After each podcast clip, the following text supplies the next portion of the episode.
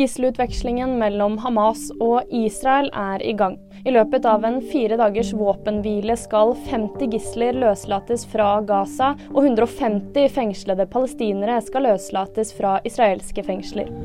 En 50-åring er tiltalt for drapsforsøk på sitt barnebarn.